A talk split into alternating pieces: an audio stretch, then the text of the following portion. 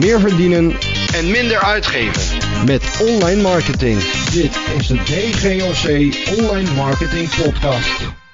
In de les van vandaag gaan we het hebben over e-mail marketing.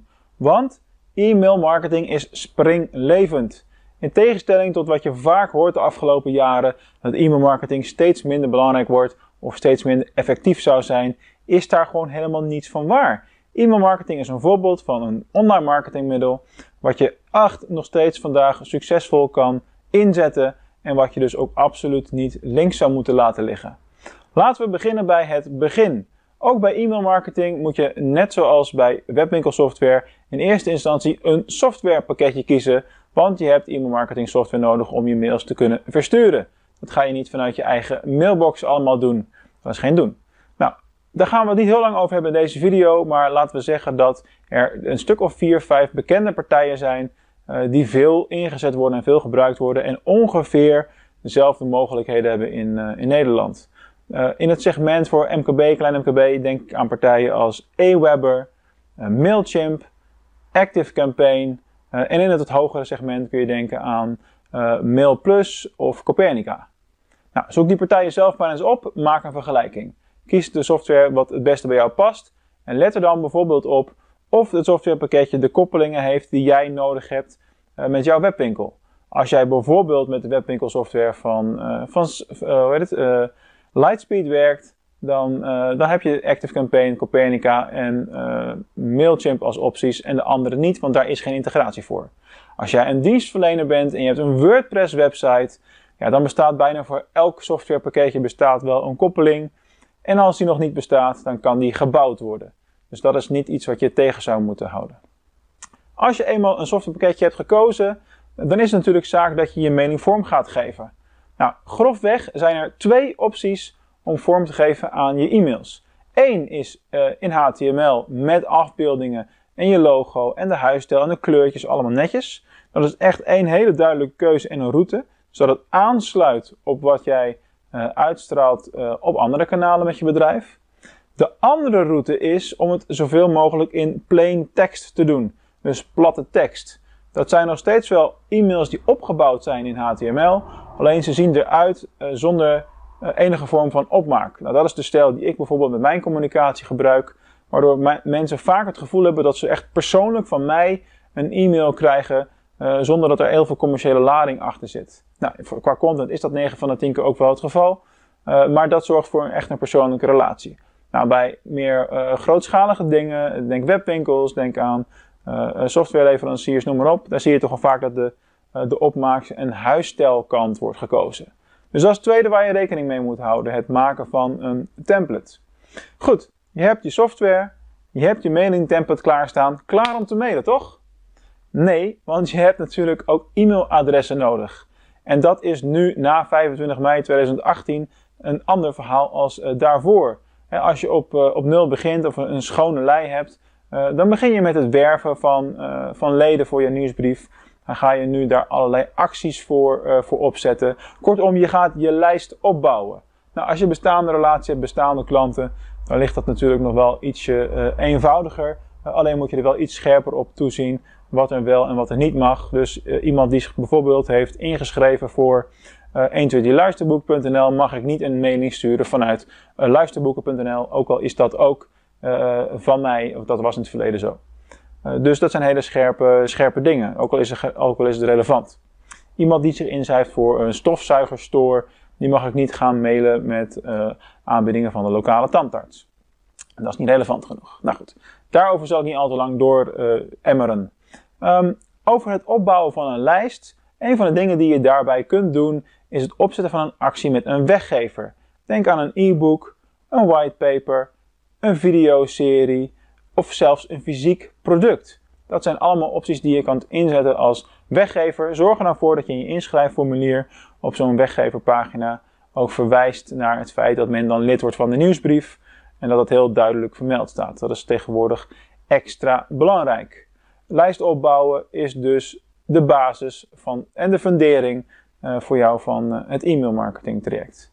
Goed, op het moment dat je een lijst begint te krijgen, dan begint het spel pas eigenlijk. dan wordt het tijd om de eerste mailings te gaan versturen. Vroeger was het zo dat we allemaal dezelfde mailing verstuurden naar één grote lijst en iedereen was hetzelfde. Uh, en dat werkt natuurlijk niet helemaal goed. Tegenwoordig is het steeds meer persoonlijke content, zoveel mogelijk afgestemd op degene die zich heeft ingeschreven. Nou, bij, mij is het zo dat ik daar een aantal verschillende lijnen in heb. En ik zal zo eventjes wat voorbeelden laten zien. Oké jongens, wat ik hier heb is een eenvoudig voorbeeld van hoe de lijsten bij mij in de e-mail marketing software zijn opgebouwd. Dus je begint met mailen, je wil daarin onderscheid gaan maken, maar hoe doe je dat nou in de praktijk? Nou, vroeger zag je vaak dat de hele basale segmentaties werden uitgevoerd. Segmentatie op basis van leeftijd of geslacht. Dus als je bij bol.com een man bent, krijg je meer aanbiedingen met producten voor mannen als voor vrouwen. Dat zijn hele basale, hele logische, uh, logische manieren om onderscheid te maken in wat voor soort content je aan wie mailt. Maar wat nou als je zoals ik een lijst hebt wat gaat over online marketing en e-commerce? Dat zijn toch wel dingen die al, waarbij alle onderwerpen dicht bij elkaar liggen en waarbij de interessevelden elkaar heel sterk overlappen. Wat ik, ga, wat ik heb gedaan is, ik werk daarin met automatiseringen. Nou, ik werk daarvoor met de software van ActiveCampaign, uh, maar dat kan ook in Mailchimp en al die andere softwarepakketjes. Nou, ik heb eventjes een klein gedeelte uit de structuur geplukt uh, die ik heb, want ik heb in de praktijk heb ik ongeveer 8 of 9 lijsten nu, waarbij dit soort processen plaatsvinden. Nou, wat zien we hier? We hebben één basislijst, dat is de DGOC Master. Dat is de lijst waarop uiteindelijk uh, iedereen die zich inschrijft terechtkomt. Dat is zeg maar waar we de bulkmailings vanuit versturen. Als wij een mailing hebben waarvan wij denken die is geschikt voor iedereen, dan komt die vanuit die lijst. Maar stel nou iemand die wil, wordt lid van het Succes met e-commerce platform of iemand die downloadt de SEA checklist om vervolgens zelf met AdWords aan de slag te gaan. Dan zijn er twee routes die in essentie natuurlijk hetzelfde werken. Voor SEA checklist hebben we hier een landingspagina. En vanuit die landingspagina sturen we mensen in eerste instantie rechtstreeks door naar de SEA checklist. Vanuit de SEA checklist krijgen ze een paar mails die geautomatiseerd zijn. Dus die zijn al van tevoren gemaakt en opgesteld. Dus op het moment dat jij je inschrijft, krijg je eerst een mail met oh, hier kun je de SEA checklist downloaden. Vervolgens krijg je in de 1, 2 of 3 weken daarna een aantal e-mails over AdWords, over Bing Ads en hoe je daar het maximale uit kan halen. Dus we blijven dan even een tijdje mailen binnen dat onderwerp. Op het moment dat die automatisering is afgelopen, pas dan verplaatsen we het contact van deze lijst naar de masterlijst, zodat hij die content gaat ontvangen. We doen dat niet tegelijkertijd, want anders ga je te veel e-mail aan iemand versturen. Dus dit is een voorbeeld van hoe ik in de praktijk met e-mail marketing uh, omga. Nou, hetzelfde geldt natuurlijk voor mensen die zich inschrijven als uh, gratis lid op ons platform. Die gaan eerst naar de eigen automatisering, krijgen vervolgens een e-mailserie van ongeveer een week, waarin ik vertel over het schrijven van het boek Succes met e-commerce, waarin ik vertel over de deadlines die we daarin hadden, waarom ik een platform heb opgericht, dat soort zaken allemaal. En pas daarna worden ze ook toegevoegd aan de grote lijst en komt het allemaal samen. Nou, dit is een van de vele mogelijke constructies die je binnen uh, e-mail marketing kunt uh, hanteren. En natuurlijk hangt het heel sterk van jouw bedrijf af en van de activiteiten die je hebt, op welke structuur het beste zal gaan werken. Maar in essentie komt het erop neer dat je zoveel mogelijk content afgestemd moet hebben op waar op iemand op binnenkomt en wat relevant is uh, voor diegene. Dus automatiseren is heel belangrijk en segmenteren is ook heel erg belangrijk. Uh, de laatste dingen waar ik bij stil wil staan in de les rondom e-mail marketing, echt de basisdingen voor e-mail marketing is, ga een planning maken. Afhankelijk van wat je verkoopt kan dat een planning zijn rondom bepaalde thema's, rondom bepaalde feestdagen bijvoorbeeld. Stel dat jij uh, cadeaubonnen verkoopt, dan kan ik me voorstellen dat je een mening inplant voor Moederdag, voor Vaderdag, voor uh, Valentijn, voor Sinterklaas, voor Kerstmis, noem het allemaal op. Uh, en dan loop je ook een beetje vooruit. Dan weet je zeker dat je ook continu actief blijft en dat je niet één keer een mail verstuurt en dat het dan weer blijft liggen. En die planning, dat is eigenlijk een marketingplanning waarin e-mailmarketing dan een, een onderdeel vormt. Vervolgens, en dat is de belangrijkste stap misschien wel, die op het laatst nog gezet moet worden, is het doormeten van je doelen. Dus in de e-mail moet je natuurlijk ook altijd duidelijk voor jezelf hebben wat het doel is van die e-mail, wat de functie is van de e-mail die je verstuurt en wat je daar dus mee wilt bereiken. Nou, bij een webwinkel gaat het bijna altijd direct om conversies realiseren. Bij een dienstverlener zal het gaan om uh, aanprijzen van de diensten of uh, informatie geven over zijn of haar vak.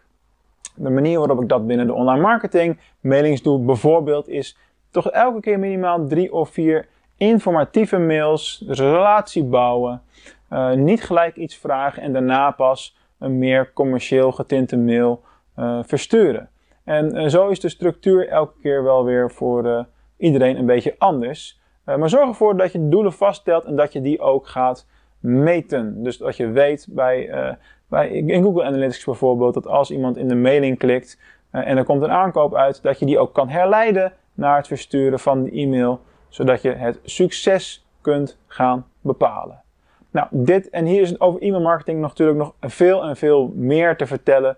Uh, daarom komt er ook wel op een bepaald moment binnen mijn platform althans een, een losse cursus rondom e-mail marketing en die heet Succes met e-mail marketing.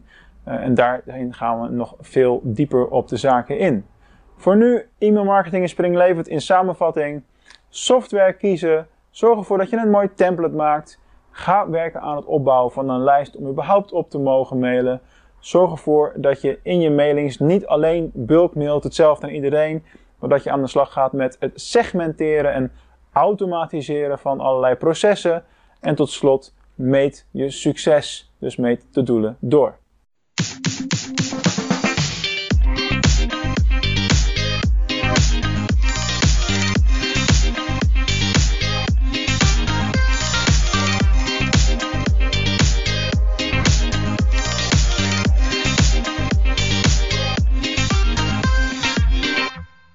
Deze aflevering had je eigenlijk al twee jaar geleden als uh, video kunnen bekijken uh, binnen het Succes met e-commerce platform. Ik maak een uh, aantal afleveringen in december van 2021 die stiekem terugwerken naar wat eerder opgenomen is, maar ook gewoon laten zien ja, wat de waarde is in zo'n platform en waarom je daar ook gratis lid van moet worden natuurlijk. dus ga naar succesmetecommerce.nl en profiteer van het, niet alleen het geluid, maar ook het beeld bij alle lessen die ik daar heb staan.